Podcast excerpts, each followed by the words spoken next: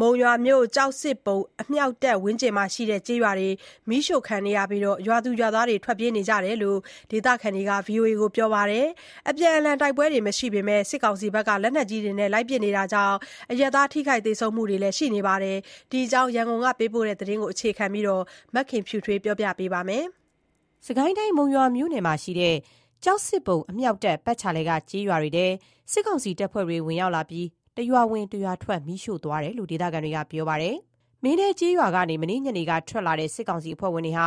ဒီကနေ့ မနက်အစောပိုင်းမှာ ခိုးသမ်းကျေးရွာထဲဝင်ရောက်ပြီး ဒေသခံနေအိမ်တချို့ကို မီးရှို့နေတယ်လို့ ဒေသကာကွယ်ရေး ရဲဘော်တဦးက ပြောပါတယ်။“ခိုးသမ်းတဲ့ အခြေအနေကတော့ လက်ရှိတော့ ဘာမှ အတည်မပြုနိုင်သေးဘူး။လက်ရှိတော့ အဲ့ဘက်မှာ နည်းနည်း အခြေအနေက မငြိမ်သေးလို့ပါ။အဲ့ကြောင့်မို့ အတည်ပြုပြောဆိုလို့ မရတဲ့ အခြေအနေမို့လို့ပါ။ရောက်တာတော့ ဟုတ်တယ်။မီးရှို့တာလည်း ဟုတ်တယ်။ဒါတော့ဆိုရ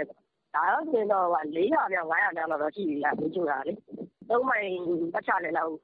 ၄မိုင်ပတ်ချာလည်လောက်အဲ့လောက်ကိုမီးရှို့နေတယ်လို့သိရတယ်။”ရွာရဲ့မလှမ်းမကမ်းကနေအခြေအနေကိုစောင့်ကြည့်နေရပြီးမီးလောင်ပျက်စီးမှုကိုတော့အတိအကျမသိနိုင်သေးဘူးလို့ပြောပါတယ်။ရွာထဲမှာတော့ဒီကနေ့နေ့လည်အချိန်ထိစစ်ကောင်စီအဖွဲ့ဝင်တွေရှိနေတုန်းပဲလို့ပြောပါတယ်။ရေကန်စုကျေးရွာထဲဖေဖော်ဝါရီ၂၈ရက်ပြီးခဲ့တဲ့ဗုဒ္ဓဟူးနေ့ညကလက်နက်ကြီးထိမှန်လို့အရပ်သား၉ဦးဒဏ်ရာရခဲ့တဲ့အကြောင်းလည်းပြောပါတယ်။“ ဒေသခံတွေကတော့ လက်နက်ကြီးနဲ့ ရမ်းထုလိုက်စစ်ကြောင်းထိုးလိုက် မီးရှို့လိုက်ဆိုတော့